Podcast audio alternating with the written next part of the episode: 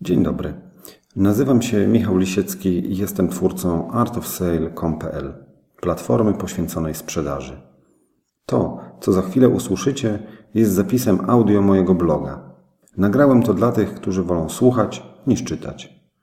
Każdy plik audio jest zapisem jednego miesiąca prowadzenia bloga. Dla tych, którzy chcieliby być na bieżąco z najnowszymi wpisami, a także z materiałami audio i wideo, zapraszam na stronę artofsale.com.pl. Zachęcam również do bezpośredniego kontaktu pod adresem kontakt małpa artofsale.com.pl. Życzę miłego słuchania i dobrej zabawy. Pozdrawiam, Michał Lisiecki. Lipiec 2013. Jak zwiększyć sprzedaż tuż przed urlopem?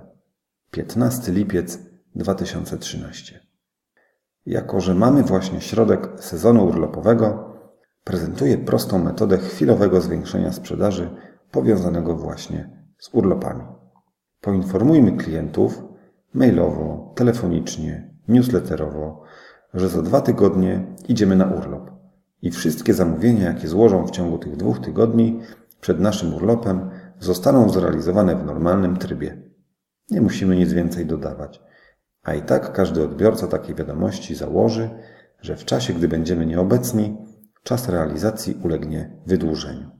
Dlatego też, ponieważ nikt nie chce czekać dłużej niż to jest konieczne, możemy być niemal pewni, że przed naszym ostatnim dniem przed urlopem otrzymamy więcej zamówień, niż gdybyśmy nie podali klientom powyższej informacji.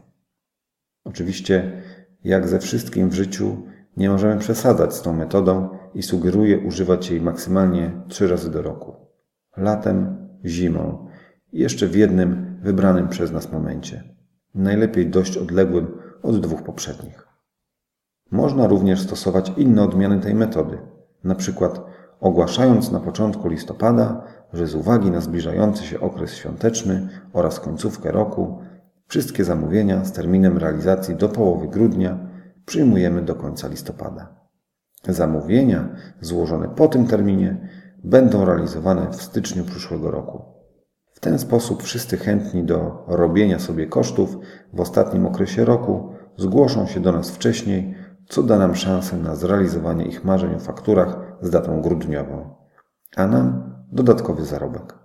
Jeszcze inną wariacją jest ta, z którą spotkałem się ostatnio w jednym z popularnych internetowych sklepów RTV. Otóż otrzymałem maila z informacją, że za trzy tygodnie zmieni się regulamin sklepu. Dostałem aktualizację regulaminu, tu plus dla sklepu. W związku z tym wszystkie zamówienia złożone przed upływem tych trzech tygodni będą realizowane na dotychczasowych zasadach. Jestem przekonany, że wiele osób złożyło lub przyspieszyło swoje decyzje o zakupie, kierując się tym, że obejmą ich stare, w domyśle bardziej bezpieczne zasady. Większość ludzi obawia się zmian i chętnie wykona każdy ruch, dzięki któremu będą mogli pozostać jeszcze przez chwilę w dotychczasowej strefie komfortu. Deskorolka i wózek widłowy, a umiejętności sprzedażowe. 25 lipiec 2013. Zdarza się czasem usłyszeć narzekanie z ust handlowców. Gdybym miał lepsze narzędzia, mógłbym lepiej sprzedawać. Te lepsze narzędzia oznaczają często na przykład fajniejszy telefon komórkowy, nowocześniejszy laptop czy bardziej odpicowany samochód służbowy. Oczywiście istnieje pewien minimalny poziom unarzędziowienia, poniżej którego czynności związane ze sprzedażą są utrudnione. Warto, żeby handlowiec posiadał laptopa zamiast komputera stacjonarnego, ponieważ zwiększa to jego mobilność. Opłaca się mieć komórkę z dobrym aparatem i dyktafonem, gdyż można podczas wizyty u klienta zrobić zdjęcia ogrodu, który będziemy projektować. Warto mieć auto z klimatyzacją, żeby prezentować się przed klientem świeżo, a nie w przepoconej koszuli. To wszystko warto. Niestety czasem handlowcy wychodzą z założenia podobnego do ludzi, którzy tłumaczą sobie, że kiedy kupią najnowszy model aparatu fotograficznego, to dopiero wtedy będą robić dobre zdjęcia.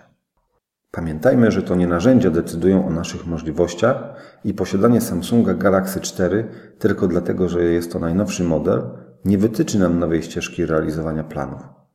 Ktoś mógłby powiedzieć, że jeśli klient zobaczy u nas taki telefon, to wzbudzimy podziw w jego oczach i zbudujemy własny prestiż. A ja zadaję pytanie: po co nam podziw w oczach klienta? Czy to zwiększy naszą skuteczność? Odpowiem na to pytanie za pomocą dwóch historii. Pamiętacie film Powrót do przyszłości? W pierwszej części podczas pobytu w latach 50. główny bohater Marty staje naprzeciwko drabów w solidnym amerykańskim samochodzie, mając do dyspozycji jedynie deskę z doczepionymi kółkami, prymitywnego przodka deskorolki. Wykorzystując wszystkie zalety tego narzędzia, wpakowuje przeciwników w kupę nomen omen nawozu. Drugi przykład również filmowy. Przypomnijmy sobie finałowy pojedynek w filmie Aliens. Czy Ellen Ripley pokonała królową obcych przy pomocy najnowszej broni kosmicznych Marines? Nie.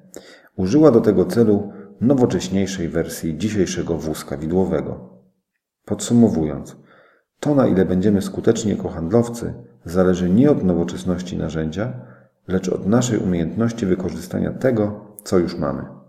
Nawet jeśli jest to sprzęt trochę starszej generacji. Dlatego weźmy pod rozwagę to, czego sobie życzymy. Jak mawiają Amerykanie, be careful what you wish for. Jest bowiem możliwe, że otrzymamy tego upragnionego iPhone'a, iPada czy Audi Q5. Tylko może się okazać, że te przedmioty zbudowały nam imidż, o jakim marzyliśmy, lecz nie pomogły zwiększyć wielkości sprzedaży, a jedynie przyczyniły się do większych kosztów, jakie poniosła nasza firma.